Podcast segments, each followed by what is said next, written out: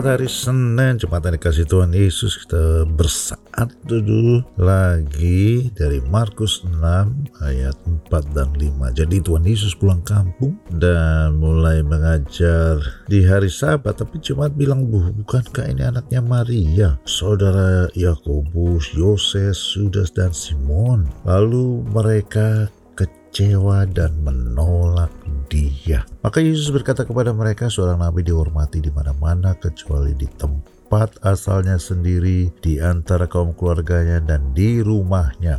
Ia tidak dapat mengadakan satu mujizat pun di sana kecuali menyembuhkan beberapa orang sakit dengan meletakkan tangannya atas mereka. Wow, Tuhan Yesus tidak berubah. Tuhan Yesus di tempat lain merubah air menjadi anggur, berjalan di atas air, memberi makan 5000 laki-laki, membangkitkan orang mati. Tapi di kampungnya sendiri tidak bisa mengadakan satu mujizat pun. Kenapa? Karena orang di kampungnya kecewa dan menolak dia. Kenapa kecewa dan menolak dia? Karena nggak percaya loh dia kan dulu teman-teman kita orang sekampung kita. Nah, ini pelajaran yang luar biasa sekali. Banyak orang tidak mengalami mujizat karena menganggap remeh hamba-hamba Tuhan yang dia pakai.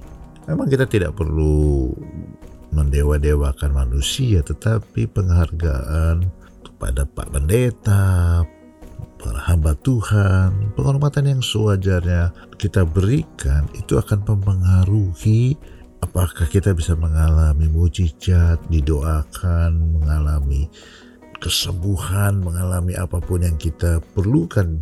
Tapi bila kita kecewa, kita menolak orang yang mendoakan kita, kita menganggap remeh, menganggap biasa saja, kita sendiri yang akan rugi karena Tuhan Yesus pun tidak bisa mengadakan satu mujizat pun untuk orang-orang yang demikian. Selamat memasuki minggu ini, tetap percaya dan alami mujizat Tuhan.